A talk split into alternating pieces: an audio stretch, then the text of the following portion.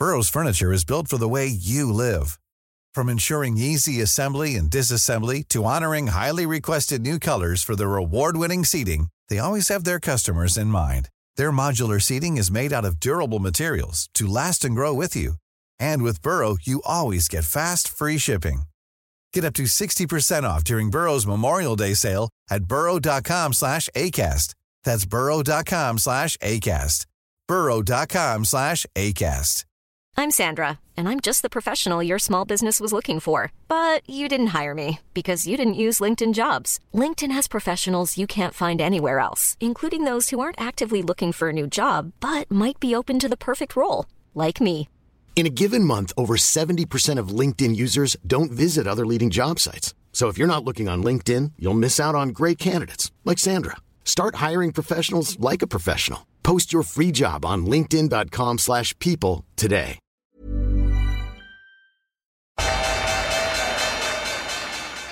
They mistook leverage for genius. Leverage for genius. I would recommend Japan. The governments don't rule the world. Goldman Sachs rules the world. Velkommen til en ny episode av podkasten 'Tid er penger', en podkast med Peter Warren. Vi å si, nye lokaler som vi, eh, vi tar opp fra. Så vi har fått et ordentlig studio nå. Hva syns du, Peter? Jeg syns det er veldig fint. Ja, så nå eh, vi, eh, vi har hatt et, eh, si, et slags sponsorat med en eh, sportsfiskebutikk som vi har jobba ganske tett med, og eh, det fortsetter. Så vi, vi sitter faktisk her og bygd studio her, og um, det er litt sånn andre koblinger. Men eh, eh, en fantastisk butikk, også fører Patagonia og en rekke andre merker. Det er veldig, veldig, veldig bra butikk. Oppe i Nydalsveien 30B. Og eh, hvis du bruker den rabattkoden Peter, så tror jeg det var 15% rabatt, eller noe sånt. 10 eller 15, eller noe sånt. Og jeg tror du må nevne hvilken butikk det er, for at det skal ha noe mening. Og nettbutikken er engler.no. Sånn går det når man skal improvisere um, introen. Eh, det er mye som har skjedd i det siste. Og jeg sitter egentlig med masse tikkere foran meg. Så vi kan egentlig bare komme i gang. Uh, SPI, Tesla, Amazon, Apple, JNK, IEQ, Bitcoin, Netflix, VXX, UST Treasuries. Hva er det som har skjedd den siste måneden? Ja, det som har skjedd den siste måneden, er vel egentlig at det som allerede hadde begynt å skje, akselererte kraftig. Med andre ord, uh, aksjemarkedet til nedsiden. Og alt Altså, det, jeg vet at jeg, jeg har i hvert fall registrert det at eh, mediene nå er fulle av analytikere som skal forklare hva som har skjedd. Altså, det er referenter i min, i min verden, eller journalister som ofte gjør det. Mens analytikere burde heller ha forklart det før det skjedde. Men, men nok om det. Altså, det som har skjedd nå, er jo ikke på en måte noe unikt.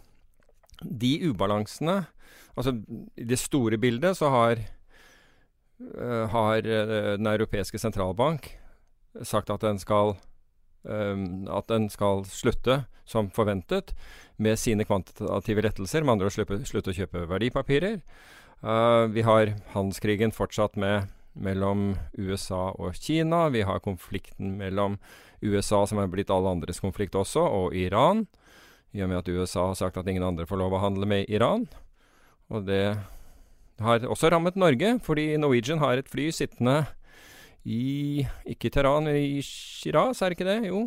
For som uh, hvor, man ikke får, uh, hvor man ikke får reservedeler til flyet pga. den boikotten.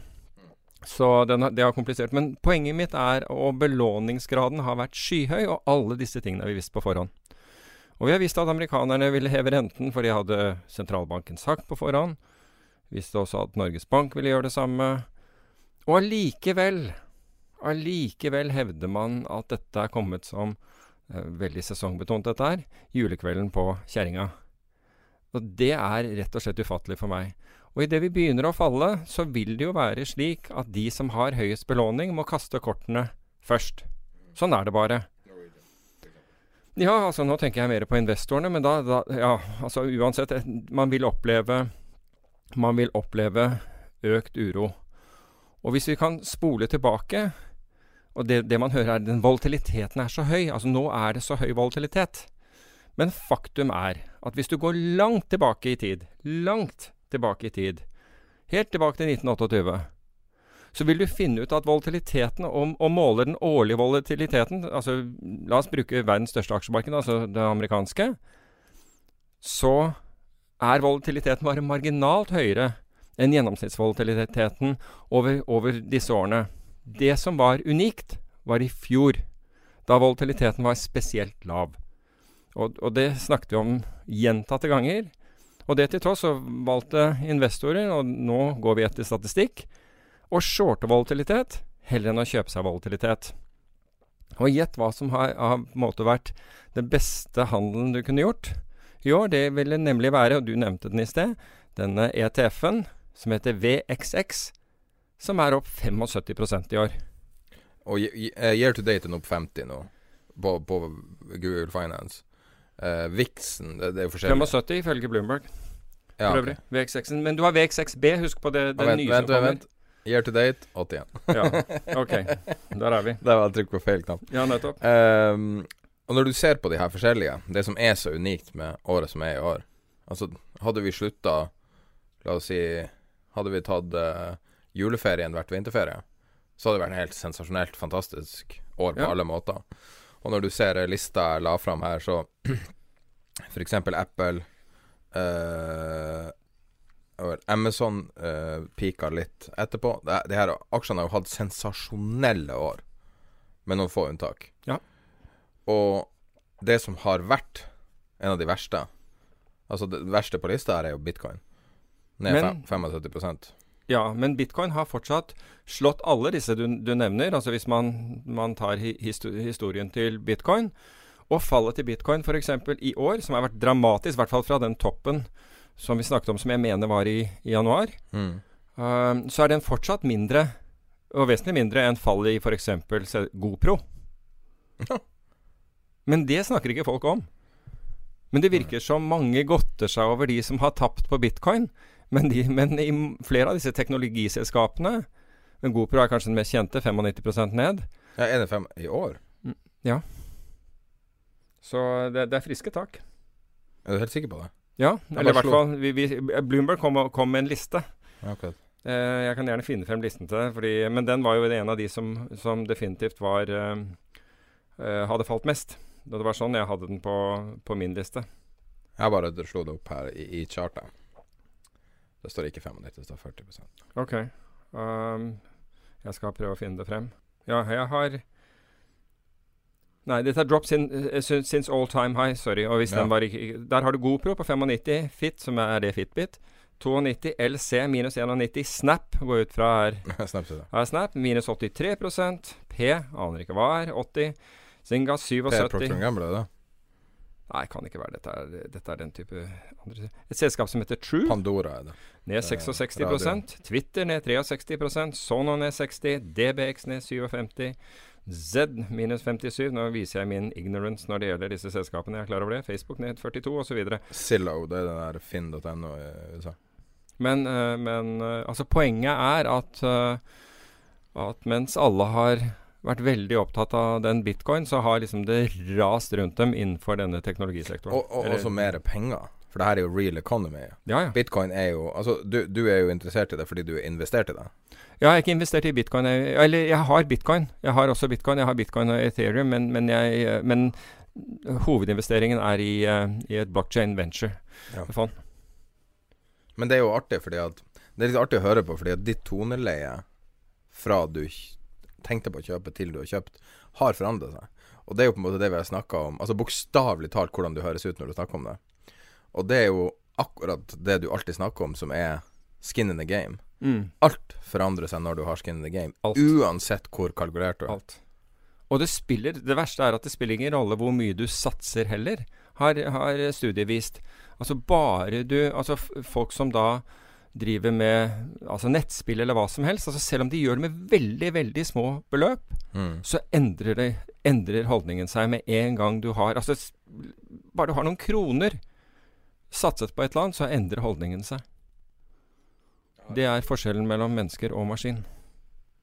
Nei, men altså, jeg, jeg kunne tenke meg å høre litt hvordan det har gått med Tesla-investeringa di. Uh, jeg vet du kanskje ikke har så lyst til å snakke om det? Eller kanskje Nei, du har altså, lyst til å snakke om det? Ja, altså, vi kan snakke om det, men, men Kan du forklare i detalj hva men, som skjedde? Men mest fordi det, er, det var litt pinlig. Det, var, det er jo poenget. Ting at veldig mange ser på deg som en allvite. Ja.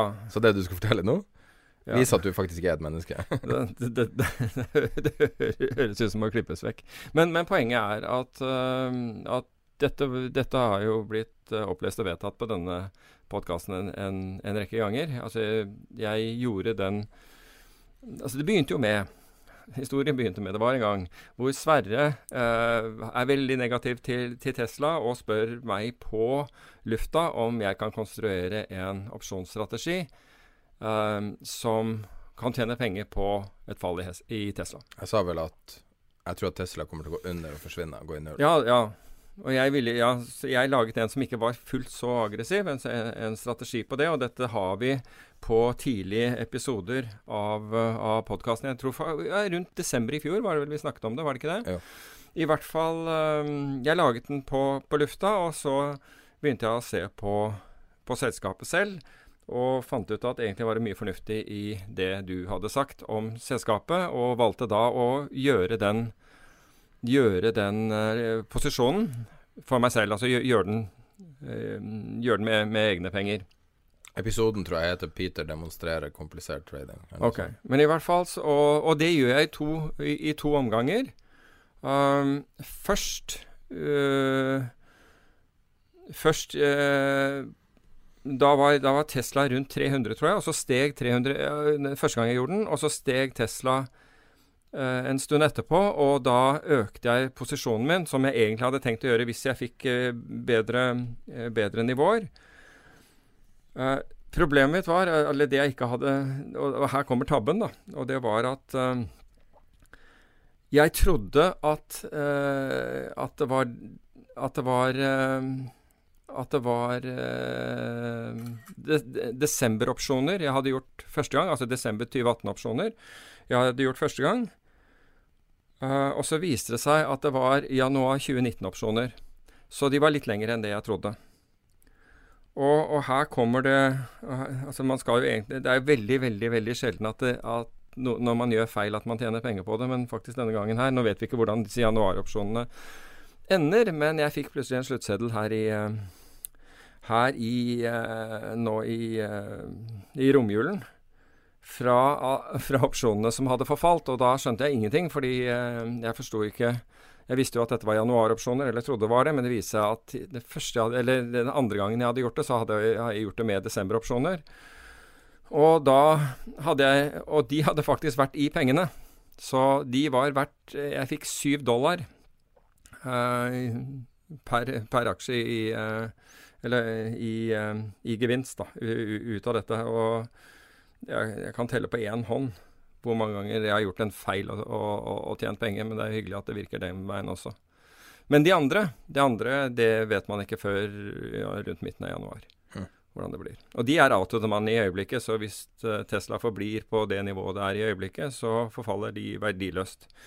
Det eneste som er, er en trøst med det, er at det, posisjonen heller ikke har kostet noe penger. Så her var det en begrensa risikoposisjonen din, som du har ligget short med uten risiko hele året etter ja, det falt? Ja, du kan si at ja, det, ingen var uten risiko, for jeg hadde risiko i en måned på begge. Ja, det der mener jeg med begrensa, men ja. når den hadde utløpt, så hadde etter du den måneden, eller det var ikke fullt en måned, men eh, jo, det var, cirka, jo, det var en måned, så hadde jeg ingen risiko. For da var, eh, da var den kjøpsopsjonen som jeg hadde brukt til å finansiere den den puttspredden med, da var den, eh, da var den, forfalt. Det som er litt artig med den traden din også, er hvis du går tilbake og hører den episoden eh, Når jeg spør deg om Eller sier liksom ja, jeg tror at Tesla kan gå totalt under. Så når du hører Elon Musk snakke om det, så sier han jo at det var jo nesten det som skjedde. Ja. Så det var jo ikke helt Nei, det var ikke det. Han, han sa jo han, han, kom jo ut og sa det. Men det som jeg syns er rart med det, og det nevnte vi vel i forrige episode eller den før, det er at han har tilbakeholdt den informasjonen fra markedet og eh, amerikanske Finanstilsynet har i hvert fall foreløpig ikke reagert på det, og det syns jeg er merkelig. For det kom jo etter den der andre skandalesaken hans. Hva med, eh, hvis vi ser på litt andre her, JNK, da. Jeg har jo, eh, som kanskje noen ikke kjenner til, som er junk-ETF-en, altså for eh, high, yield. High yield ja. Har jo hatt en eh, Altså, det har jo vært et begrensa fall hvis du sammenligner med, med aksjer. Ja, og, og, det, kan du for så vidt forvente. Altså, eh, men samtidig, det, altså, den har vel spreddet ut et par Altså hvis du ser på Ja, de underliggende spredda ut. Ja, ja. Altså hvis du ser de obligasjonene eh, Altså det vi påpekte Jeg skrev for øvrig en blogg om dette også. Og det, de gikk vel knapt 14 dager etter det før disse tingene begynte virkelig å falle. Men poenget der var at man fikk veldig lite betalt for den risikoen man tok når man investerte i high yield. Og, og derfor, og med den gjeldsoppbyggingen som har vært i, i, selskapene, så var det i hvert fall min oppfatning at, var, at, her lå det betydelig risiko. Og hvis man ikke får noe særlig betalt for å ta den risikoen, så er det ikke lurt å sitte på den. Så enkelt er det. Og, men det som har skjedd, er jo at den har spreddet ut. Den har spreddet ganske kraftig ut, så nå får du vel i hvert fall et par hundre eller mer eh, basispunkter. Mere, altså si 2, et eller annet prosent mer i året i avkastning hvis du kjøper de nå, kontra da, da, som, da de var på sitt høyeste, altså da, da obligasjonene var på sitt høye, og, og, den spredden da naturlig nok er på sitt laveste. Uh, slik at du får bedre betalt. Men fortsatt så er den spreddutgangen vi, vi ser, den er omtrent bare halvparten av det vi har sett ved skikkelige korreksjoner tidligere. Så det er ikke sånn at jeg, at jeg føler at uh, for egen del at det er løp og kjøp. Men man skal, altså, er man selektiv, så kan det godt hende at man finner noe som er bra. Det jeg lurer på om hvor, reell, altså hvor reelt uh, det underliggende markedet er. Det er jo et marked som har mulighet for en viss uh, manipulasjon. Altså, for det er jo det er jo et, et, ikke et åpent marked i samme grad som aksjemarkedet. Nei, og det har jo akkurat vært en rettssak som involverte et high yield-selskap nå. Altså en rettssak mellom en megler, og vi skal unngå å la være å si hvilket selskap, for de ble frifunnet, og en, så vidt jeg vet, en engelsk forvalter, jeg tror det var et hedgefond, hvor påtalemyndigheten mente at, uh, at kursen hadde blitt uh, At uh, det hadde vært gjenstand for kursmanipulasjon. Men der var jo en av de en av de eh, momentene som Forsvaret brukte. Nettopp at dette markedet fungerte ikke som andre markeder hvor du kunne se hvor, hvor det ble omsatt hele tiden. Så det er jo egentlig et, eh, en bekreftelse på akkurat det du sier. At disse markedene her, og det så vi veldig godt i finanskrisen, det holdt seg oppe dag ut og dag inn og uke ut og uke inn, helt til en stor innløsning kom.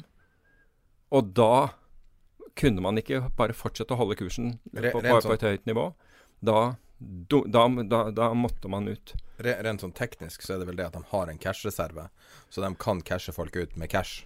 ja, altså nå tenker du fondene, ikke sant? Ja, fond. ja fondene har jo ofte en cash-reserve. Men når den cash-reserven er brukt opp, da må jo i tilfelle fondet belåne. Og, ikke, og noen fond har anledning til å belåne, men veldig få av dem har anledning til å belåne mye. Altså Hvis de skal belåne, så er det jo ofte for, for uh, kortsiktig likviditetshensyn. Mm. Men, uh, men ja, Man har ikke noe sikkerhet utover bedriften. Nei, nei, i ingen i det hele tatt. Så, så, du kan si at Og når en forvalter belåner, så er det jo på en måte det Det er jo porteføljen som, som stilles til, til, sikkerhet. Så det er veldig begrenset grad man kan, man kan gjøre det, eller man har en antrekkfasilitet på det. Så som skulle, alt som skulle til under finanskrisen, det var første store innløsningen. Mm. Første innløsningen av betydning. Småinnløsninger, de tror jeg ble bare liksom gjennomført. Men den første store innløsningen, da plutselig er markedet 20% ned, altså. Fra, så, så, du går rundt med en illusjon om at dette her er kjempetrygt, og det er jo ingen volatilitet, og det, dette ser jo veldig bra ut. Helt inntil. Ja, det er jo, altså det er jo, det er jo mange som har sammenlignet det med Ponzi schemes og Altså, du har jo en grad av den samme logikken i det, at du At du Altså, du betaler folk med nye innskudd på, på et vis, altså. Ja, du har det. Og, altså, men, du skjønner koblinga? Ja, liksom. men dersom du har reell marketmaking, så, så unngår du det. Og jeg vet at, uh, jeg vet at norske meglerhus uh, poster liksom kjøper- og selgerkurser eh, på skjerm. Men problemet er at du må, du må ringe dem og spørre om de kursene er reelle, om de faktisk tar imot på de kursene. Og det er klart at Da kan du bare si nei, du, ikke, gjør, ikke, ikke selg på meg nå. Jeg tror jeg har en ordre her. Og så, så forskyver man ting ut i tid. Istedenfor vet du hva, her har du fått ti millioner. Bang! På den kursen. Da vet du om det er reell eller ikke. Mm.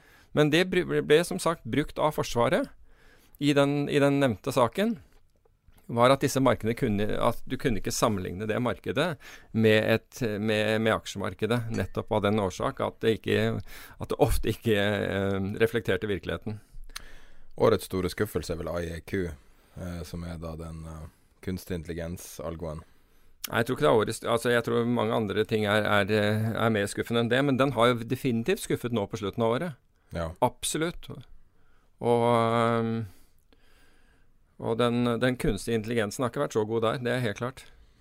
Men på den annen side så ser du jo Og du ser jo mange, mange fond som bruker uh, kunstig intelligens Eh, som, som, lykkes i dette markedet. Ikke minst Renison, som er ca. opp 10 uh, eh, i, i, dette markedet. Men av og til så kanskje litt vanlig intelligens hadde vært det aller beste. Ja, altså, og ap apropos det, kan vi ta et tema? Det er et tema vi har diskutert på forhånd om vi skulle ta. Du nevnte at du hadde sett på TV om at, at forvaltere ble bekymra for uh, det som er da to handelsdager siden. Nå er vi på fredagen. Nei, faktisk, faktisk i, i, går var, det, var, var, den store bekymringen. I går. Altså opp, oppturen? Det ja, fordi, ja, jo ja, fordi børsen uh, solgte av så voldsomt. Og så kommer det da inn uh, Og dette er en, en, uh, en høyfrekvenstrader som, som, oppdager og som, som poster denne, dette ut. Et kjøpsprogram som er det fjerde største kjøpsprogrammet man har sett og som denne sa, vi har aldri sett et sånt program. Ja, når du sier program, kan du bryte det her ned ikke i sånne termer? Kan ja, altså, altså, de ser et mønster av kjøping som plutselig Altså USA er vel ned 2,5 eller 2,8% i går, faller ganske raskt. Mm. Og så plutselig Å oh, ja, du tenker på den siste oppturen? Ja, den siste oppturen. Ja, det, er den, ja. det er den som har fått Ja, Den var ubehagelig. Og inn i closen også. Ja, og, den, har, og den fikk flere forvaltere til å reagere og si vet du hva, nå tror jeg vi skal stå på sidelinjen, for dette her, her skjer det noe som vi ikke helt vet hva er. Det hadde vært veldig logisk hvis det Er det handelsdag på mandag? Uh, det det tviler jeg på. For da ville jo det logisk ha vært i dag, på siste dagen på året. Ja, men det kan jo hende at den kommer i, fortsetter i dag. Men i hvert fall, dette er den fjerde eh, største Altså eh, den type eh, Altså ifølge i hvert fall denne, denne som har analysert dataene, kjøpsprogrammet man har sett. De tre andre har, vært, eh, ha, har alltid vært myndigheter bak. Ja, og det man sier da, er at kjøpsprogram er en annen måte å si Intervensjon. Noen som forvaltere eller andre som Nei, altså manipulerer? Ja, eller de mener Altså, underliggende her, men jeg vet ikke om dette stemmer eller ikke, fordi det er at det, at det var en eller annen form for intervensjon. Det er det man hevder. At her var det Altså, her begynte man wow. å bli så engstelig at man, man, man, måtte inn og intervenere. Altså basically at Donald Trump, som er veldig obviously den som vil stå bak en sånn ordre? Altså, jeg vet ikke Altså, du har jo dette Hvordan kan han gjøre det rent praktisk? Det vet jeg ikke, fordi du har jo altså du har det, denne jeg... mystiske organisasjonen i USA som alltid har vært snakket om, som heter eh, Plunge Protection Team. Ja, er det reelt? PPT. Vet ikke. Det men, det, men det, er jo mange, ja, det er jo mange som har drevet og snakket om, om, om denne mystiske kjøperen som har vært på, på, på, banen. Ja, for det brukte jo å være samme tida hver dag og sånn type. Du kan sitte og vente Ja, det var forskjellige, for, forskjellige men, men, også en sånn viss karakteristikk med det. Jeg har, jeg har ikke analysert tallene, så, så, jeg vet ikke. Men vedkommende som hadde sett på dette her, hevdet da, og er en troverdig kilde, hevdet da at dette her er det fjerde største av, av slikt program som er sett, og de tre andre har vært myndigheter bak. Altså, for det her er jo, når, når, du beskriver det, noe vi har snakka om tidligere, det her er jo et klassisk sånn face ripper rally. Når du er short, du, du sitter og altså, De fleste er long, vet du. De fleste er skikkelig long. Men, ja, men altså, altså du går etter shorterne. Ja. Du, du, skal Og så sitter du der short, og så sitter du etter en stor nedtur, så har du kommet til en opptur. Mm. Og så, så, faller det, og så tenker du nå skal, jeg, nå skal jeg gjøre en killing på shortinga. Og så kommer det et vanvittig rally og rip ja. your face off. Det er, jo, det, det, er sånn, det er, jo, sånn, det ser ut. Men ja, men samtidig så kommer jo dette her i Altså, når den amerikanske finansministeren ringer rundt til de amerikanske storbankene oh Ja, det må vi snakke om. Ja, for den er, den er jo helt utrolig. Altså, Én ting er at hadde gjort dette her og holdt stille om det, men de går jo ut med et kommuniké om det også. Det er jo et offisiell kommuniké om at han gjorde det. Hvor han ringer rundt til bl.a. JP Morgan og Bank America og disse her og spør hvordan, om, hvordan likviditetssituasjonen deres er. Det skremmer jo vannet av markedene. Det skremmer jo Altså, det verste var jo dette var, fikk vi jo vite på søndag. Ja. Og alle, og jeg, inkludert meg, tror at liksom det nå kommer markedet til å reagere negativt, men futuren reagerer til oppsiden helt frem til utpå dagen, og så neste dag, og så smeller det til nedsiden. Men det som er rart, er han er ex-Goldman, er ikke det? Jo. Altså, ingen ex-Goldman vil synes det er en god idé. Så Nei, det, det, er, må, det er utrolig Det er en utrolig altså, Det her er en amatør som ikke forstår De er ned noen få prosent. Eh, Har dere likviditet? Altså, Ja. hvordan står det til hos dere? Det er jo den sikreste måten å ødelegge likviditeten deres på. Ja, jeg ville jo trodd det. Jeg ville jo trodd det. Og Det kommer jo rett fra Donald Trump. Det er den Så- første virkelig negative tingen han har gjort, egentlig, hvis du skal summere opp alt han har gjort. Altså den tingen som er destruktiv, direkte destruktiv. Du kan snakke om de, de familiesam... Alle de, de sakene de Jeg tror jeg dem- kan bare trekke pusten og, og, og, og, la, la hele beltet gå, jeg, på ting. Men, men la oss holde ja, ja, oss til men, denne. altså, men helt seriøst, veldig konkret. Det her er ekstremt destruktiv handling. Ja, Altså potensielt kan ekko i lang tid. Ja. Men det er kanskje det man prøver å Jeg, jeg vet ikke. Men altså, konsp ja, konspirasjonsteorier er jo Markedet er jo stappfullt av det. Ja, men her er, du trenger jo ikke noe konspirasjonsteori. Altså, Nei, det, altså det er jo ganske obvious. Nei, men jeg tenker på, på etterfølgende har liksom har myndighetene vært inne med, med altså, har, altså Var man virkelig Syns man virkelig dette var så ille at man måtte støtte markedene?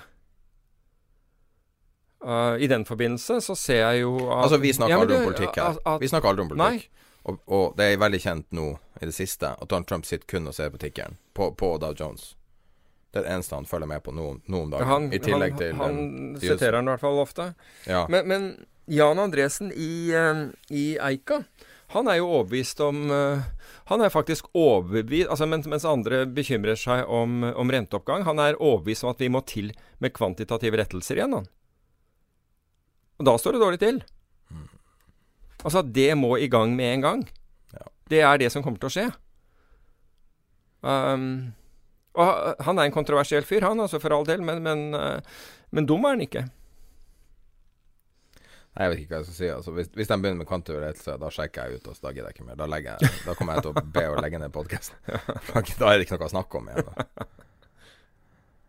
Nei, men det er uh... Men det er crazy, crazy uke. Det er liksom sånn hvor man skal starte. Men poenget er at, at den oppgangen da, som skjedde i går, det har skjedd én gang. Altså Hvis du går i historien tilbake til 1984, så har det skjedd kun én gang en tilsvarende bevegelse. Og det var i oktober 28. oktober 2008. Da, da var det bekmørkt, altså. Da var det virkelig mørkt der ute. Der de snakka om at du ikke, det ikke var penger i Ja, altså da, ikke sant, hele den, hele den biten der. Da skjedde, skjedde noe lignende. Det er, dette er det andre tilfellet i historien. Men samtidig så er jo dagen Ikke dagen før, men to dager før, blir det vel. Så hadde du jo du har, Eller de, de påfølgende dagene, da. De, så var det jo også helt vanvittig. Så det var jo vanskelig for meg å vite hvilken dag du refererte til først. Om det var, Ja, ja. Ja, jeg det trodde det var hele dagen, for da hadde du jo 1000-poengsdag på Dow Jones, Ja, ja. Første gang ever, så vidt jeg vet. Selvfølgelig, poeng er jo ikke så relevant, men likevel. Altså, Nei, symbolikken er tydelig. er, prosenten er mer relevante. Men likevel, altså. Du hadde den første Altså basically den største poengdagen ever. Og, og det er jo sånn man vanligvis bare ser midt oppe i krise, at ting svinger så inn i helvete. Ja, ja Det- er voldsomt. Det, det Men, men en tider. annen Du nevnte Goldman. Og mm, jeg så en rapport fra Goldman som sa at likviditeten Og da har de tatt SMP Mini-futuren, altså det er et av de mest handlede future-kontraktene i verden. Um, og reflekterer bevegelsene til SMP 500. Det er, man kan godt si at futuren styrer, styrer eh, indeksen, og ikke indeksen styrer futuren. Men der har likviditeten på beste kjøper- og selgekurs ok, falt med 70% det siste året.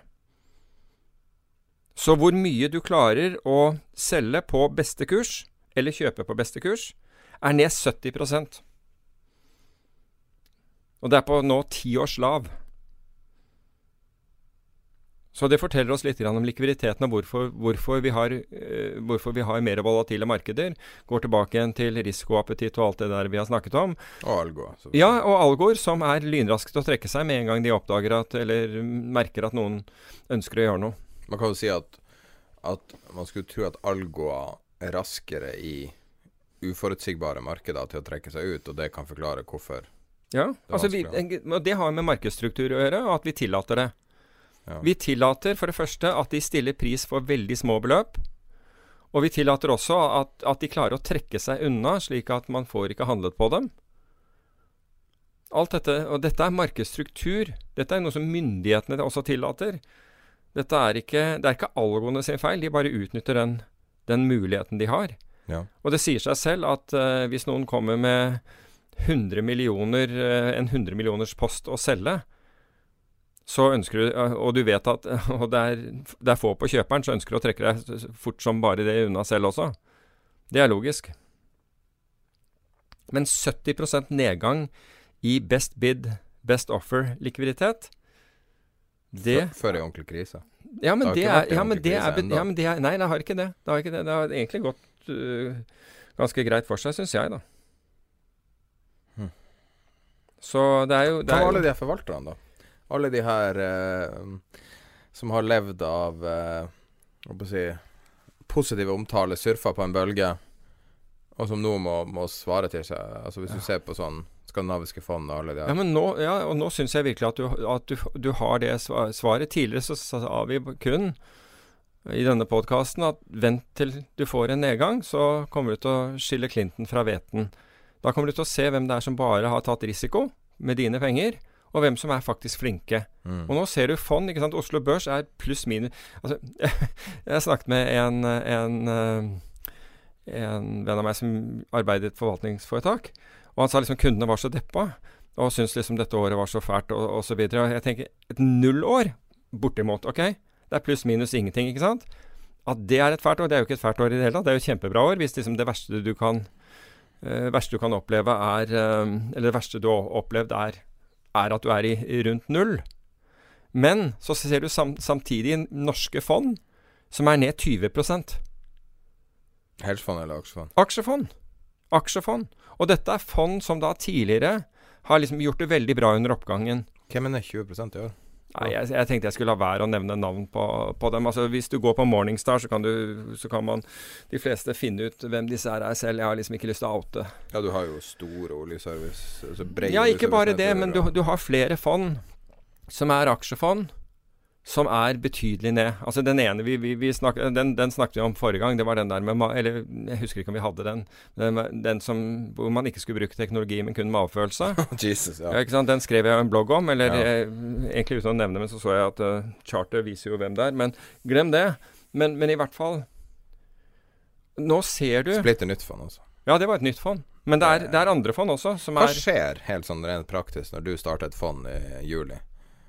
Altså end of year så er det ned 30 eller noe sånt. Altså Hadde det vært et hedgefond, så, ha- så har Det som hadde skjedd da, er at du, det hadde vært historie. Ja, det hadde vært, eh, det hadde vært historie. Men et, et klassisk hedgefond der man henter inn dyr arbeidskraft og, og gjør det på gammelmåten, liksom.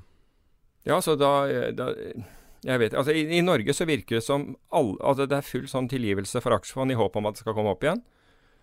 Mens hvis du er i hedgefondverden, så er det over og ut for deg. Da, det er ikke mange som overlever en, eh, en sånn en. Hvordan- for eksempel Warren Buffett har jo vært ned over 40% og det er jo Altså når han snakket Når han gjorde veddemålet med, med hedgefond i sin tid, så var det jo akkurat det flere som sa det der. Ja, det er greit at han gjør det, men han hadde jo aldri overlevd. Altså 40% ned, og folk hadde forlatt ham. Mm. Hadde ikke, hadde han Det er jo takket være at han har låst inn kapitalen, at han fortsatt er der. Så bare tilbake til high yield. Det er tre, litt over 300 punkter har, eh, har, har, de, har high yield. Uh, spredden økt. Det amerikanske. 316 punkter. Så den er nå på 537 punkter. Er Altså du får, fem, du får 5,3 over, over eh, Det er jo fortsatt ei lav rente, hvis du skal kalle det high Ja, ja. yield. Liksom. Ja, ja, ja, Altså, absolutt. Altså, under 10, liksom. Ja, absolutt. Jeg husker de gamle dager der Unnskyld, var unnskyld. 221 punkter fra 316 til 537, Ja. så jeg hadde rett for forrige gang.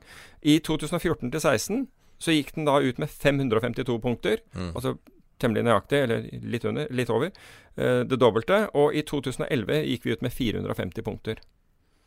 450 punkter eh, når, når du hadde korreksjon. Så korreksjonen denne gangen her har ikke vært så, så hakkande gæren.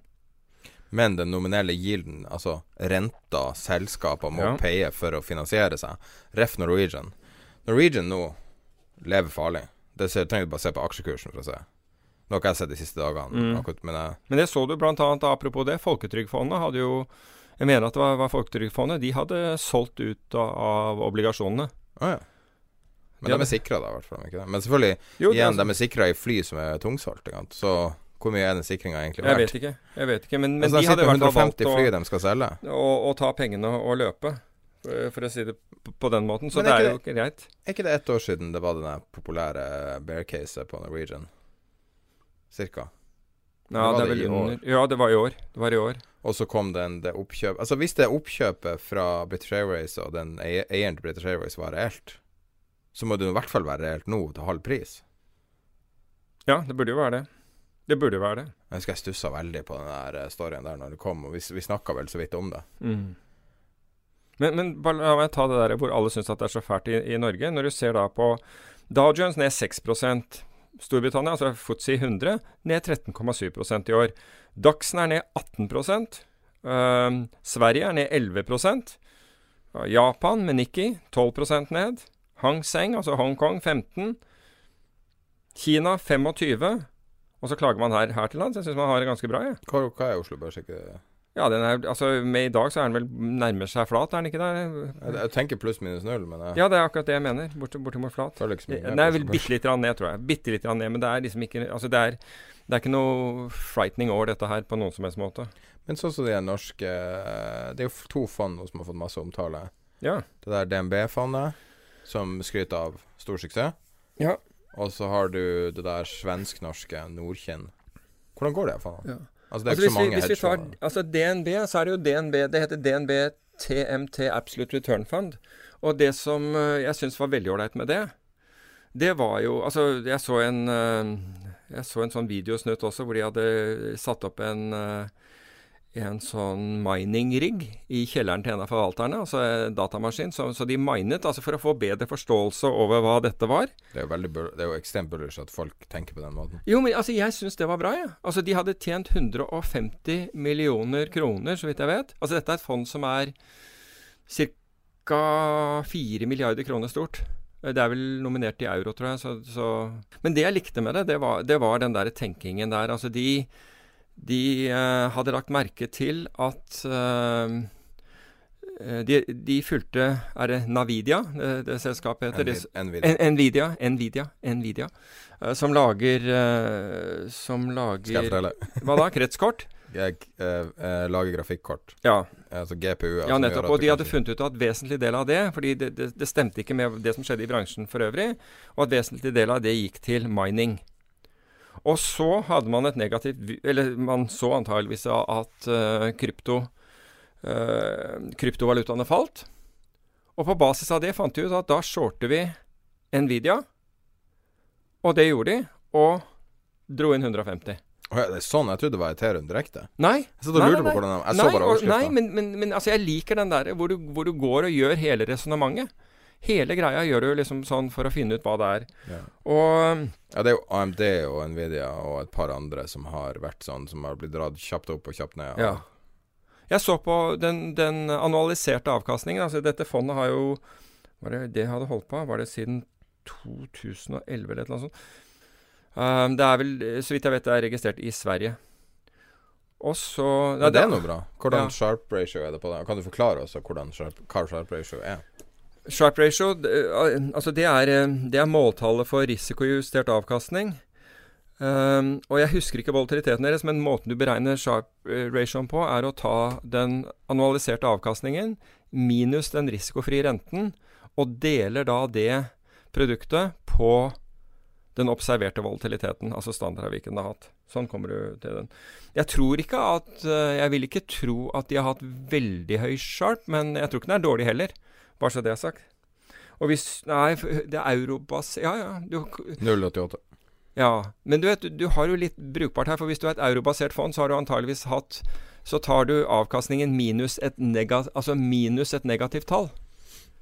Skjønner du? Så, det, så da må du legge det til. Mm. Fordi den risikofrie renten har vært under null. Men 0,88 på 4 milliarder er jo ikke spesielt dårlig sharp. Nei, det er ikke det. Det er ikke det. Men jeg prøvde nå bare å tenke til hvordan den sharpen blir så bra. Ja. Men det er, det er ingen dårlig sharp i det hele tatt. Men jeg tenker jo at uh, Hva du hadde på det beste. Nei, vi hadde jo, ja, altså, vi hadde jo skyhøy sharp som vi ikke trodde vi kunne ha. Altså, vi hadde jo en, si ja, vi hadde fem på det aller høyeste. Jeg var, på, uh, var der når du fikk de premiene fra, fra Nordic Hedge. Ja. Uh, da husker jeg at de sa at uh, At det hadde knust alle skalaer. Det fantes ingen måleenhet de hadde for å måle Den sharpen. Altså sharp ja. og avkastning. Ja, altså sharp, ja. Men det var jo selvfølgelig Men jeg sa jo også I din kritikk, men- da, ja, så var det jo størrelsen på fondet. Ja, men jeg sa jo også det den gangen, at jeg, jeg hadde heller ingen tro på at vi ville, altså, at vi ville klare å opprettholde en sharp ratio på, på de tallene. Altså De eneste som, som klarer å opprettholde så høye sharp ratioer, er high frequency-tradere. Og nå er det ikke så mange av dem som klarer det heller, men noen av dem gjør det. Men så strategi som altså For de, har knapt, de gutta har knapt tap. tap. Men den strategien du har tatt med deg videre i livet ditt, Mm. Så der du ikke bryr deg noe om indikatorer som det lenger, skal jeg tro.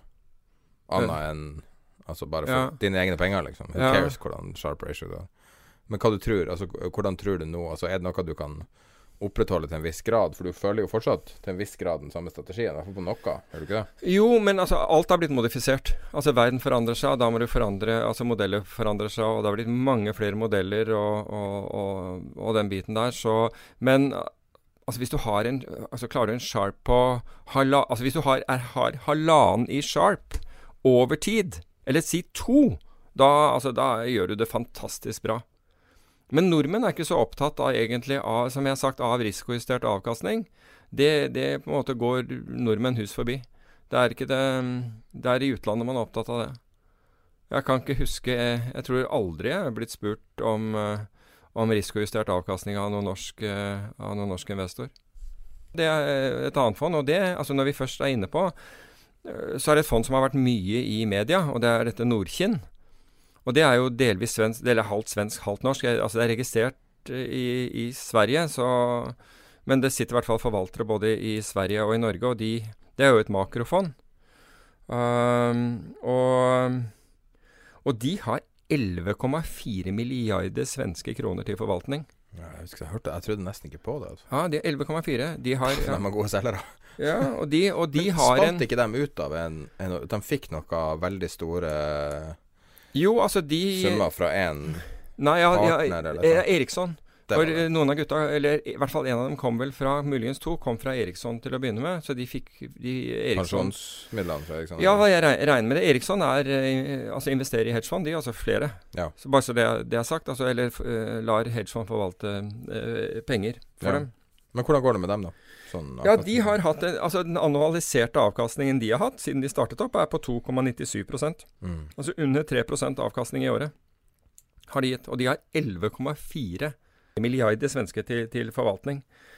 Eh, de, de er svak ned i år. 0,14. Så makrofondet ned i år, altså. Burde ikke dette være gode tilstander? Ja, men altså, de, de snakket jo om at de hadde innertier. Altså, de hadde fullstendig innertier, for de hadde shortet uh, euro norske veldig høyt, og de hadde alt rett på, på rentekurven. Um, men som sagt, altså, de er Det, det fins jo definitivt, altså Tudor og Brevan Howard og disse her er jo, er jo solide opp. De er opp tosifret i år. Eller mellom, ja. Tenk hvor tragisk det er med eklektika. Jeg kommer ikke over det. Det, det er sånn, det gjør vondt å tenke på det. Hugh Henry, ja. Mm. Hugh Henry la ned fondet i sommer. Han la Ja. ned fondet på, på basically all time high. Ja. Og sa markedet har forandra seg, og da markedet har forandra seg, og kan de tjene penger. Hvis du går tilbake til den episoden i sommer der vi snakka om det, og Mm. begge er fan av Hugh Henry Ja. Han er jo også en del av introen til podkasten. I recommend you penning. ja. Eh, og vi begge snakka om det, hvor utrolig tragisk det var at han la det ned, og han burde holde ut. Og så var spørsmålet eh, Betyr det her at vi er på toppen nå? Fordi at når Hugh Henry gir opp, ja. da er det kun én kar igjen, og det er han Societe General-analytikeren, han der eh, galningen. Han, ja, jeg eh, prøver å huske det. Eh, Albert Edwards, er det Ja. han? Ja. Mest underholdende og også mest permabæren som finnes. Hvis han, Jeg har ikke lest analysen hans på lenge, men hvis, Hvis han har gitt opp, så han har gitt opp da Og det gjorde han sikkert i sommer, for da ga alle opp. Jeg vet ikke. Hugh Henry er jo Han er jo en person med veldig negativt utsyn generelt. Han ser mørkt på ting. Ja, altså, du, altså Som makroforvalter så er det jo hele tiden Så prøver du å finne ubalanser. Det er, jo, det er jo det som er jobben din. Du prøver å stille spørsmål ved alt. Ikke sant? Om, om ting stemmer. Du prøver å finne eh, cases som er overpriset. Mm. Risk som er underpriset. Det, er, de- det er den type ting. For det er der du kan virkelig gjøre noe. Altså Fordi alle andre er på den andre siden av handelen din. Jeg lurer på om hans personlige egenskaper ødela for han. Man rett og slett ikke He couldn't take the heat. Nei, jeg, jeg vet ikke. Det, jeg tror mye heller at det er investorene som ikke kunne take the heat, for å være helt ærlig. Ja. Um, At det var markedsført dårlig, liksom. Nei, ikke markedsført dårlig. Det kan være markedsført helt riktig, men investorer forandrer seg. Eh, altså, investorer eh, er ekstremt dystre og vil ikke ha noe risiko når ting er billig, og de vil ha fantastisk mye risiko når, eh, når, når ting synes å være bra. Så investorer gjør på en måte motsatte. De, eh, de selger når det er billig, og kjøper når det, når det er dyrt. Og, da, og det kan være vanskelig for en, eh, for en forvalter å forholde seg til. Og jeg vet jo det selv, hvor, eh, hvordan det er. Altså, du får stadig altså, telefoner fra, fra investorene dine som uh, skal forsikre seg om når det går ned, at du overhodet ikke tar noe risk. Og når det er der oppe, så, så skulle du tatt mer risiko. Det er jo den derre standard. Det var jo en som var eh, En som ledet en, eh, en eh, markedsavdeling i en bank her i, her i Oslo. Han var jo kjent for det. Han ble senere banksjef i en, en stor bank. Og ikke begynn å tippe. eh, Så er du grei. Det kan Men, være, eh, ikke, eh, vær, vær grei, ikke gjør det. Så, for da, da, da, ja, men da slipper jeg liksom sånn. Men, men da, der var det sånn at hvis du tapte penger, så Jeg jobbet ikke for vedkommende, men jeg hadde folk eh, som hadde jobbet for han som jobbet for meg, og de sa at altså, tapte du penger, så var det Idiot, hvordan kunne du finne på å gjøre den handelen? Det var liksom helt dust. Du måtte jo skjønne at det der skulle ned. Og når de tjente penger, så var det Er du helt dust? Hvorfor kjøpte du ikke mer? Og du måtte skjønne at det der skulle opp. Det var liksom sånn Du kunne You couldn't please the guy. Uh, sånn Hva du syns du om han lederstil? Jeg tror ikke den er spesielt uh, uh, motiverende, for å si det på den måten. Og, Men kanskje det er effektivt? Sånn uh, Iron Fist rule ja men, ja, men hvordan det var altså, hva, hva er lærdommen av den? Altså, Du vet jo ikke at noe går bra idet du tar handelen. Så vet du ikke at det der skal, om, om dette her skal bli det du det man ofte kaller en innertier, eller om det skal bli noe du bare må stoppe deg ut av. ikke sant? Nei, de beste tradene gjør jo at du ikke får sove om natta. De beste, beste Ja, jeg vet ikke. altså jeg, Min greie var jo at hvis jeg, hvis jeg våknet om natten og, og av posisjoner, av bekymring for en posisjon, så solgte jeg av noe av den posisjonen med en gang jeg kom på jobb dagen etter. Fordi eh, det var ikke bra. Jo, men det er ikke det jeg mener. er Når du setter den Hva sier altså, du? altså, du får betalt for risiko. Altså, verden er bygd opp av Altså, verden er På det ene på en måte spekteret har du a sure thing, og på det andre spekteret har du full usikkerhet. Og ja, OK, du kan godt gå for en sure thing, men altså, du kommer aldri til å bli rik på sure things. Og, og det man, som jeg tror man må finne, er å finne ting som svinger mot, mot risken. Og så det du, altså, du vil snakke om f.eks. sånn som Tesla-traden din, der du, der du går for en, um, en asymmetrisk eh, risikoprofil. Ja, ja. Men fortsatt, den måneden der, så går du med en klump i magen, garantert, på et eller annet nivå. Å ja, altså det, når, jeg hadde, når jeg hadde risiko på den, Ja. og definitivt Ja, ja, du, det er ikke sånn at Nei, nei, du ikke vet hva kursen er. Nei, nei, nei. På samme måte Nei. som når du snakker om bitcoin nå, så vet du veldig godt hva kursen er. Mens før så ville det vært sånn casual kaste ut, liksom. Ja, ja, altså, ja. Jeg vet sånn røftlig Altså, den beveger seg så fort at, at Ja. selv om jeg hadde visst hva den var når jeg satte meg ned her, sånn, så vet jeg ikke nødvendigvis hva den er nå, for å si det på den måten. Men jeg vet jo sånn i, i Altså, hvis det ikke har skjedd noe helt dramatisk. Ka, ok, kan vi snakke om en ting som, eh, som eh, vi har snakket om i hele år, egentlig. Som har vært den beste indikatoren jeg noen gang har sett. Og det er DN-forsida, eller DN-hovedsak. Ja, behøver ikke være DN, det er jo Ja, jeg leser bare ja, DN, så ja. altså, det er det eneste norske Ja. finansavisen jeg leser. Men la oss si DN Financial Times Barents, der den opprinnelige indikatoren Mm. kom. Basically forsideindikatoren. Når en journalist begynner å legge trykk på noe, så er det sannsynligvis inversen av den som er. Og, og, og analytikere, for den saks skyld. Og så la du Du sendte meg en melding på Facebook der du tulla med at at tenkte ja, nå, er, nå snur i hvert fall oljen, for nå hadde ja, Nå snur olje oppover. Ja. Oljeprisene synker, kan falle under 50 dollar fat. Og sendte en melding sånn vær så snill, legg den ut i gruppa. Fordi at det her må dokumenteres. At du, og så sa du det litt sånn på tull at uh, både Saltvedt og Skjelldrop. Er endelig blitt negative, så er det statistisk sett svært sannsynlig at oljeprisen er nær bunnen. Uh, og det var vel kanskje ti minutter før den begynte oppgangen, som var 9% på én dag. Ja, den var Ja. Men det er noe med det der. Altså, med, altså bare forstå psykologien i I hvordan en uh, Hvordan en, uh, en sånn type artikkel blir til. Mm. For det er jo det det er snakk om. Ja. Du, du tre- bruker det som en indikator. Ja, men, men jeg har jo også hatt det der at jeg har brukt Altså det har vist seg å være noen som Altså det har ikke noe med om de er flinke Altså analytikere, for det kan de godt være, men altså de klarer ikke they, they, They're unable to connect the dots. da. Så det har vært det også i liksom, de norske aksjemarkedet. Det var én person der. Vi gjorde konsekvent det motsatte av den personen. Altså, og det, det verste var når du hadde posisjoner én vei, og så kom vedkommende ut og var samme vei som deg. Altså, og det var jo liksom for det, Å, gud, liksom kunne den ikke vente litt til? Så, så, og da, men det er sant. Vi, vi, Også en person veldig langt opp og veldig mye sitert. Jeg vet ikke hva du snakker om. Ja, vedkommende i hvert fall da var veldig mye, mye, mye sitert. Uh, av naturlige grunner ikke nå, men, uh, men vi brukte det. Vi, vi, brukte faktisk det fordi vi fant eh, ut at det var en høy høy sannsynlighet for at markedet gikk det motsatte når vedkommende først uttalte seg. Det er ikke det at ikke vedkommende hadde gode, god kunnskap om markedet. Det var bare ikke Altså, det er forskjell på å være analytisk veldig flink og, og, og det å, å, konkludere riktig. Det er forskjell på det. fordi du kan, Hvis du driller ned i mange av disse menneskene på, på, på kunnskapen, så, så, besitter de massevis av kunnskap. Imponerende mye kunnskap. Men det betyr ikke at du kan knekte dots i forhold til hva markedet vil gjøre, det er to forskjellige ting. Men det også å være smart er jo ofte ikke så veldig positivt for din private økonomi. Ofte dem som lykkes, spesielt innen næringslivet, der du, må, altså der du må ta risk. Kan gi deg mange eksempler, men jeg orker ikke å gjøre det. Nei. Folk som har slått seg opp fra null til milliarder. Mm. Det de ofte En overraskende egenskap de har, er at de ikke er så veldig gjennomtenkt. Fordi at de bare ser OK, de har gode rådgivere, det har de alltid. Og så gønner de på. Mm. Og så ser de, seg, så sitter de ikke og regner på, på detaljene. Og sitter ikke og regner. Ingenting. De bare peiser på. Og jeg har venner av meg som har vært i, i prosjekter med profilerte investorer som alltid har masse ting. Og du får høre hvordan de er. På, for det, det, er sånn som De er allment kjent for å være ord som flink. Det er noe mm. som veldig ofte går igjen. De, de, driver fram et eller annet, og så er det liksom få med seg masse folk, og hele mm. tida. Det er som de samme hundre stykkene som gjør sånne ting. En betydelig prosentandel av de folkene, de virker som de aldri setter seg ned og tenker er det her farlig, liksom. Mm. Og, og, jeg tror at, at, analysis paralysis er en av de største jeg tror det. problemene jeg lykkes. Det, men samtidig så tror jeg at, uh, at, hvis du ser på den populasjonen som du, som du uh, refererer til, så tror jeg at liksom den, den populasjonen er, er, veldig mye større enn de altså i utgangspunktet. Og du ser ikke alle de som faller fra.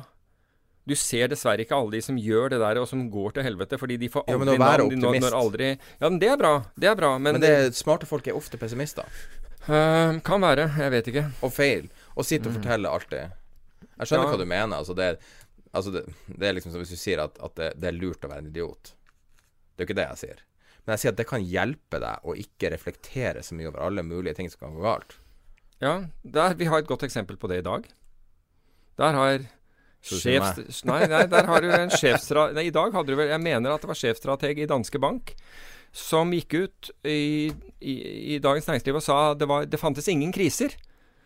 Altså det var ingen fare for markedene i det hele tatt, for det, det, var, det fantes ingen kriser i verden. Jeg vet ikke om vi skal kalle det en krise, men Venezuela Der er inflasjonen 1,37 millioner prosent. Um, og landet detter fra hverandre. Så har vi Argentina, som i år, har, har, som måtte i år få den største IMF-bailouten ever, på 58,1 milliarder. Uh, så har du en handelskrig som, som, som Jeg vet ikke. Jeg mener, det, fin det, finnes ingen steder i verden Det finnes ingen krise på Snarøya, det tror jeg. Nei, det, nei men på Snarøya finnes det ingen kriser. Det må være krise, det, må, det er ikke nok opp her. Nei, det må være i tilfelle hvis det der svømmebassenget ute Det der eh, innendørs svømmebassenget er én grad for, for, kaldt eller et eller annet. Underkjølt regn på ja, tennisbanen. Ja, et eller annet underkjølt regn på tennisbanen. Sånne, sånne ting. Men i øyeblikket så finnes det ingen kriser. Jeg, jeg, mener, jeg tenker Er det mulig? Hva du syns om min idé om å begynne å følge med på alle analytikerne? Nå har jeg satt i stand, så jeg lurer på om jeg skal gjøre det manuelt, eller om jeg skal lage et ordentlig program eh, som jeg skrev i gruppa. Ja, men altså, vi fra vi, snakket, ja, fra vi snakket om det der i, i, i, Facebook-gruppen Tid er penger, så har det jo kommet på så mange som som syns at den der ideen er god. Mm. Og ikke bare det, men jeg har fått henvendelse også tidligere i år fra folk som lurte på om de ikke skulle starte noe sånt noe. Fordi de har lagt merke til at, at uh, det ofte er uh, en stort gap mellom hva som skjer, og, og hva ekspertene mener. Ja. Jeg, kommer, jeg, okay, jeg, kan, jeg kan committe til noe. Hvis jeg sier den her, så må jeg gjøre det. Ja, det, det jeg har jævlig mye å gjøre nå, men jeg, da prioriterer jeg det i nyttårshelga. Um, jeg kommer ikke til å si navnet nå, for jeg har ikke registrert domenet ennå. men Smart. Uh, altså, vi er Altså, siden for, Jeg husker første gangen i en, en jobb der jeg for I 2008 så husker jeg når jeg begynte å stusse på det her. Og da har jeg liksom fulgt litt med på det at det er ingen som reviderer offentlige råd ever. Og det er det, det er det, som må gjøres. Noen må gjøre revisjon her. Og det må være målet. Mm. Og så får det starte med noe basic Google-dokument. Og jeg har funnet en sånn API vi kan integrere inn for å få sånn realtime uh, tracking på det. og alt sånt. Men jeg vet ikke om jeg, vet ikke om jeg klarer å, å tenke tanken engang. Men uh, Men det hadde vært interessant. Men, men her, her, har vi noe som nesten var poesi i mine ører for, uh, i dag, for øvrig. Fordi jeg, jeg, skrev et eller annet på Twitter, og så svarer denne, denne, personen, som jeg ikke kjenner Men siden han gjorde det på Twitter, og der, sånn, så kan jeg nevne navnet hans, for jeg ble imponert. Han heter eh, Runar Stalsberg, som sier definisjonen på eksperter er vel at avstanden mellom det de tror det de tror de vet, og faktisk vet, er mye større enn hos andre. Jeg liker den, jeg. Definisjonen på eksperter er vel at avstanden mellom det de tror de vet, og faktisk vet, er mye større enn hos andre. Godt sagt. Godt sagt. Har du noen gang blitt kalt ekspert i noe sammenheng? Håper jeg ikke. Kan jeg aldri tenke meg. Jeg har aldri vært ekspert. Skyndte han seg å si. Uh, det no, hvis noen av lytterne som kjenner til Kristoffer uh, Schou, ja. så uh, har jeg tenkt For jeg begynte å høre på hans podkast. Det kom et podkast-tips til deg også. Kristoffer ja. Schou sin podkast som heter Rekommandert. Ok Det jeg, jeg, hører egentlig ikke på noen norske podkaster. Hører på et, på et, par engelske og produserer en egen. Men den rekommanderte er veldig fin, for der tar han inn en ekspert som skal lære han noe alt om et lite tema på en time. Så stiller han masse dumme spørsmål, han vet ingenting om temaet. Og det kan være Det siste var, jeg hørte på, var huggår, men før det så var det henrettelser i ja. Norge. Sånn er bare alt mulig mellom himmel og jord. Utrolig bra konsept. Okay. Vanvittig. Og du lærer rett og slett masse av å høre på det. Okay. Så tenkte jeg at så du, du burde være gjest. så hvis noen som eh, jobber i Rubicon eller noe sånt, som hører oh. Jeg aner ikke hvordan jeg, jeg, Han, er, han er, bor like i nærheten av meg, men, uh, men jeg, jeg, tør ikke å approache han. Så, så, så jeg, jeg, jeg skjønner jeg vel godt. Du kan, uh, du kan, sende mail eller et eller annet. Finnes sikkert en eller annen måte å ta kontakt med oss for å få deg på Kristoffer Schou. Det. det hadde passa bra, men du må nesten skrive i bok. Jeg tror det er en av forutsetningene for ja. Ja, sånn venstrehåndsarbeid. Ta Gjør det i løpet Ta, ta blogginnleggene og så gjør, gjør en Trygve Hegnar. Bare ta gamle ting og så sett to permer på. Vet du hvilket land som har høyest vekst i år, da? Island? Nei. Libya. 10,9% BNP-vekst. Og Rwanda har f.eks. over dobbelt så høy vekst som, som Rwanda. Norge. Bare, Rwanda har over dobbelt så høy vekst som, ja, ja, ja, som Norge. Men liksom jeg bare tenker at uh, når, uh, når uh, en strateg kan si at det fins ingen kriser i verden, så er jeg sikkert ikke så orientert om hva som, hva, hva som er heller. Men uh, Er han sjefstrateg eller er han strateg? Det er veldig viktig distinksjon. Hva er forskjellen? jeg vet fortsatt ikke. Forskjellen er at det er enda mer avstand mellom, mellom det de tror de vet, ikke, og altså, Det må jo være det. Jeg vet ikke, jeg vet ikke hva de syns. Det, det er bare som det stusser, Jeg stusser bare på at Bruken av eksperter, liksom. Mm. Altså, jeg er åpenbart ingen ekspert på noe som helst, og har aldri blitt brukt som det. Men har du noen gang blitt titulert som ekspert? Nei, jeg håper ikke det. Det vil jeg, altså, For da ligger jeg jo dårlig an, helt sikkert. Fordi at in a real world jo, jeg, så vil jo svaret veldig ofte være 'jeg vet ikke' på et spørsmål. Ja. Og så sier de 'hvorfor flytter krona seg'? For, for, det første så er det 'who gives a shit'? Altså, det har jo skjedd. Altså, forklaringa betyr jo ingenting. Ja, hadde de sagt det på forhånd, så hadde det vært så mye greiere. Hadde de sagt det på forhånd Dette er faktorene som vi tror kommer til å flytte krona ja. svakere frem til, til nyttår. F.eks. at den tradisjonelt har gått veldig mye svakere frem til nyttår. 2008 var et godt eksempel på det. Den eneste, eneste du får sånn, er jo de der idiotiske nyttårsrakettene. Som, ja, det, hadde det, var i dag, det var omtalt i dag for øvrig. Hadde ja. ikke gått så veldig bra. Nei, den er en sånn ja, det var noe som var ned 11% og noe var ned 17 eller et eller annet sånt. Men jeg, dette er ikke noe Tenk deg hvor mye penger jo, jo, som puttes jo, jo, på det. Enkelte av dem var jo ned veldig mye mer. Dette var, var en snitt av to porteføljer, tror jeg. Mm. Um, Men det er bare så sjukt, fordi at nyttårsraketter, som er det eneste systematiske tradinga som noensinne blir opptalt, omtalt For det er jo, det er jo å følge et system. Du, du velger ut basert på dårlig resultat, og så, og så tror man du skal få en, en sånn nyttårseffekt pga. en eller annen sånn eh, year close, gud vet. Altså, eh, jeg, er ikke så veldig interessert i akkurat hvorfor det skjer, men altså det har statistisk sett skjedd kanskje litt mer enn det ikke har skjedd. Det er vel det som er grunnlaget for det.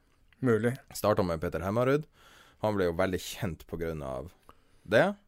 Ble, så, ble, så skjønte jo alle analytikere at de fikk omtale i avisa med å komme med sånne porteføljer, åpent i stedet for til kundene. Mm. Og så nå eh, så står de på kø, i kø for å fortelle om sine nyttårsraketter. Men det jeg ikke forstår, er hvorfor er det ikke flere sånne ting? Hvorfor, hvorfor kommer de ikke med tradingideer? Never, ever, ever utenom nyttårsraketter. Nei, de gjør, altså, det vet jeg ikke, men gjør de ikke det? Så får jo ikke kundene Ikke det. på et hva de systematisk. Jeg har aldri sett en tradingidé fra et meglerhus. Nei, men tror du ikke de beholder det hos kundene sine? Ja, men altså, der jeg har, men, jeg har fått eller, alle eller, rapporter. eller lekker de da etterpå, sånn at de skal få litt drahjelp? For det var, hvem var det som sa det? At de hadde sett på det? Det var jo faktisk en journalist som hadde nevnte det for meg. At de hadde sett på det der hvilken drahjelp de ga når de publiserte disse, disse um, anbefalingene. Og de fikk det jo ikke først, for det fikk kundene. Så la de merke til at det ga drahjelp i markedet. Når Jeg husker jeg har sett på det der før med aviser. mm, Uh, og hvis jeg husker riktig, så var det veldig sånn microcap.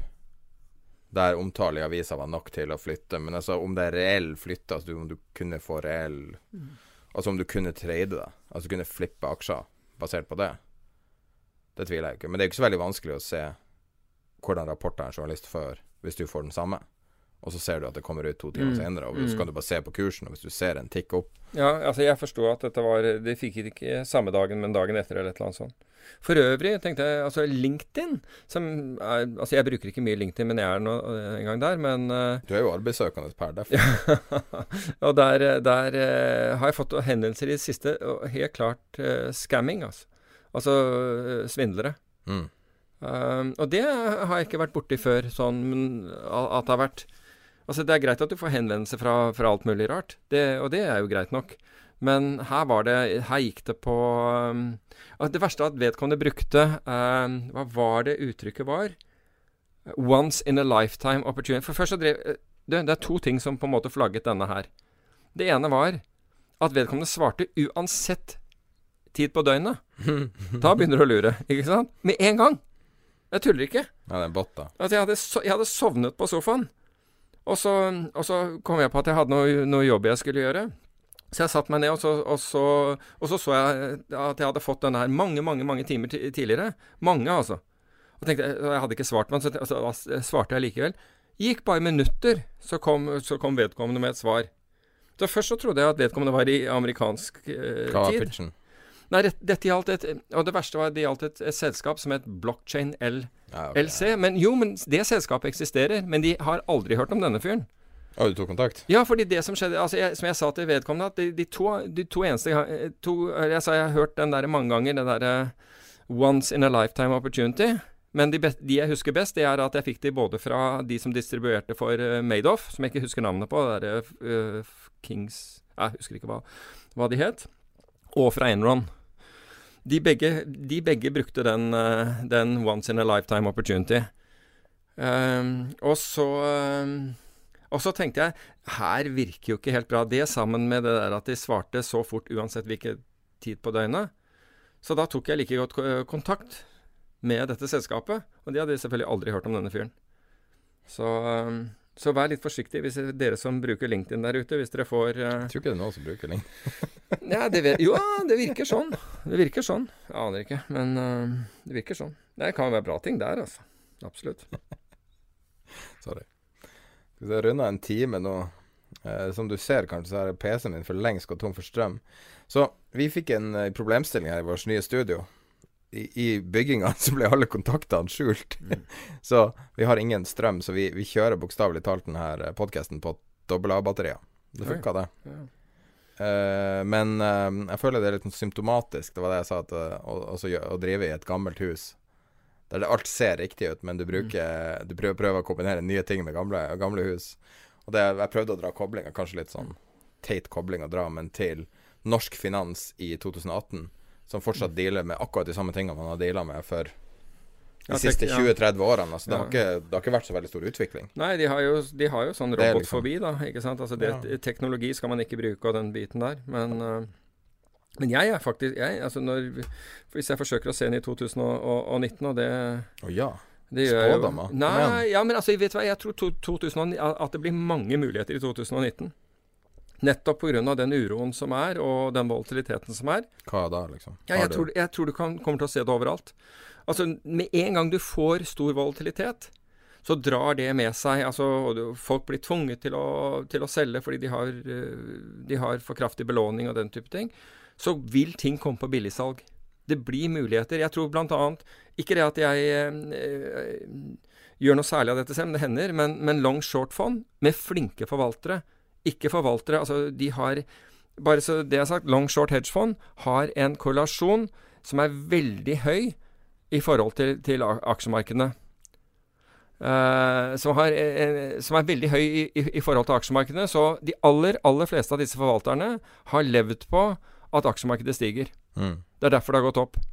Men hvis du finner de som ikke, altså finner de som har lav korrelasjon til aksjemarkedet, og allikevel er- klarer å tjene penger, så er det antageligvis flinke folk. Flinke forvaltere. Så jeg tror at innenfor long short space kommer det til å øh, være veldig gode muligheter. Jeg tror, jeg tror i det hele tatt Det mer det svinger, det større muligheter er det der ute. Og det kan, være, det kan godt hende at de mulighetene er i øhm, er i, i, i eh, selskapsobligasjoner fordi store institusjoner må ut av dem fordi de blir nedgradert. Rett og slett fordi kursen faller såpass mye at de blir ne kredittmessig nedgradert. Så kan det være at store investorer må ut. Og vi vet at likviditeten i de, de markedene er mindre, og det kan gi muligheter. Jeg tror faktisk 2019 blir et ordentlig mulighetens år, og det første på mange, mange år hvor, man, hvor ikke alt bare har vært drevet av av at, uh, sentral, ja, at sentralbanker har liksom støttet opp om markeder hele tiden. Men da, da Utrolig oppløftende. da. Ja, altså jeg er det. Jeg får bare Endelig håpe- lønner seg å være litt smart, liksom. Ja. Men, jeg, men, men i det ligger jo at jeg håper at Jan Andresen tar feil, og at vi ikke trenger kvantitativ At det ikke står så øh, ille til der ute. At vi kommer til å trenge kvantitative rettelser. Med andre ord støttekjøp fra myndighetene allerede i, i, i neste år. Jeg tror han har rett i at alle statsledere på jorda vurderer det. I den grad. Men når de tør å gjøre det, altså hvorfor, hvorfor skulle de vurdere? Altså, Fordi at they don't det give a shit om strukturen. Alt Altså- må opp. Alltid, alltid, alltid. Ja, men Nasdaq har vel steget liksom, Ja, det gjør Tenk deg hvor mye det har steget. Det må stige mer før de er Aravafis. Det må det. For enhver pris. Og de har nå sett at kvantitative lettelser. De har sett kvantitative lettelser nå fungere. Og du kan, altså, det er jo Har som å ta heroin. Du slutter jo bare ikke med heroin. ikke? Nei, men, det, men fungerer? Det er jo knapt vekst i Europa, jo. Nei, det fungerer. Aksjer er opp. Who cares? Ingenting annet betyr Aksjer noe. opp, Europa For det er det ned. du ser på Europa CNBC. Det er det du ser på Fox Business og CNBC, som er det Ser ikke på noen av dem. Nei, men det er en statsleder. Ja, mulig. Tror du det? En amerikansk en. Fox Business. Har du sett på Fox Business noen gang? Nei, altså bare, Oh når det bare når det har vært gjengitt på, på andre stasjoner. Altså, CNBC er så fordummende. Altså, du tror at CNBC er fordummende, så har du Fox Business med han der eh, Gasparin og alt. Åh. Nei, det er bare helt Det bare tar. Altså. Charlie Gasparino? Ja. Hvor, men han kommer jo fra en eller annen greie før. Jeg var han ikke? Hva? Han var i Wall Street Journal, eller i Ja, for jeg, jeg kjenner jo det Han er jo veldig kjent, men han er, han er en sånn enerverende type. ja, men han er, han er jo deres skalkeskjul, men det er jo, det er jo Fox, egentlig. Altså, det er Fox News. Business.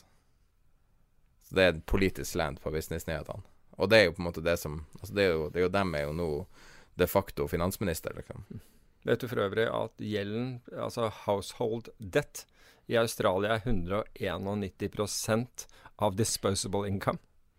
Hva er Norge? Det kan ikke være så mye å ha fra Nei, jeg vet ikke hva det er i Norge. Norge men- har jo verdens høyeste Altså, nordmenn er jo verdens mest belånte folk. Og hvis du hører på nå, for guds skyld, få deg fastrente. Hva Gud vet hva som skjer. Ikke ha fastrente så lenge du er cash Så lenge du er cashrik. Da kan må gjerne renta gå så mye den bare vil. Ja, men hvem er det? Ja. Norge er det Det, det, Det er jo ingen det er som ikke er The. Forgotten People. Det er for øvrig en bra, bra et bra album. En annen kar som heter Thierry. Men uh, det er The Forgjelda People. Nei, men det er jo ufattelig tragisk. Mm. Og folk har jo Jeg kjenner mange nå som har bytta til fastrente. Um, og det har jo alt det har man sagt altså, Vi har nevnt det før, at siden jeg ble født, 1982, så har uh, den internasjonale rentekurven vært Altså ikke rentekurven, den internasjonale renteutviklinga har gått nøyaktig én vei, og det er nedover. Med ca. 30 uh, fall. Mm. Altså, ja, da mener jeg prosent som i Nei, 30 grader, mener jeg. Altså, ja. det er en, en, en, en rask vei mot null. Uten at, du, ut, uten at, du, tar full credit for det, mener du? nei, nei, jeg bare kom inn på et sånt krisetidspunkt. Eller var det krise? Jeg vet da faen hva. Det var vel akkurat etter krisa. Uh, og, um, og nå har vi brutt, brutt den rentebanen. Sånn at nå er det Så det er når folk sier det er aldri noen som har tjent penger på, på å binde rente, mm. så ser det jo forskjellig ut nå, da. Ja, det, ja.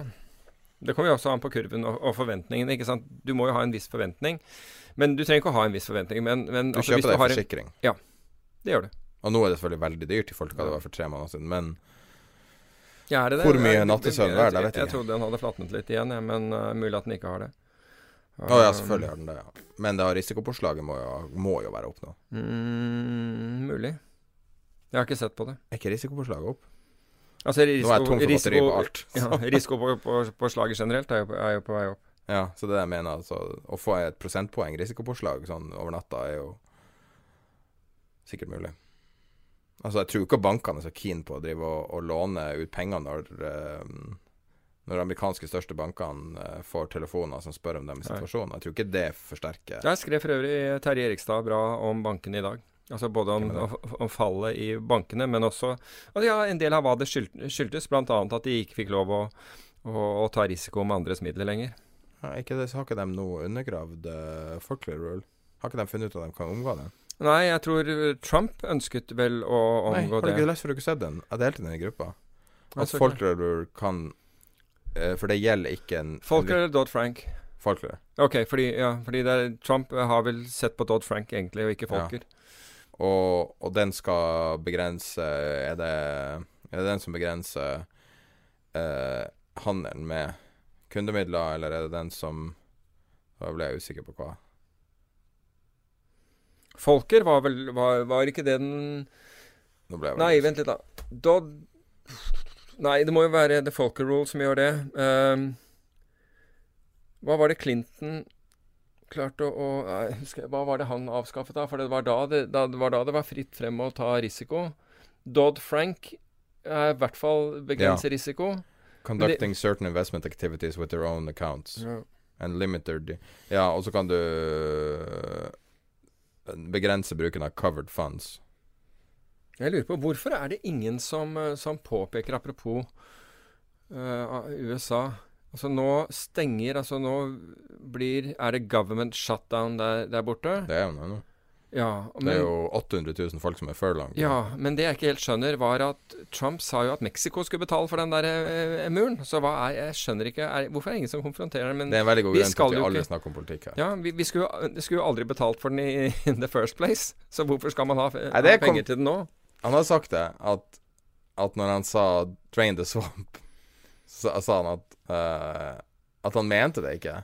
Men så reagerte folk så mye når han sa det, så han bare fortsatte å si det. Det sa han i et annet intervju.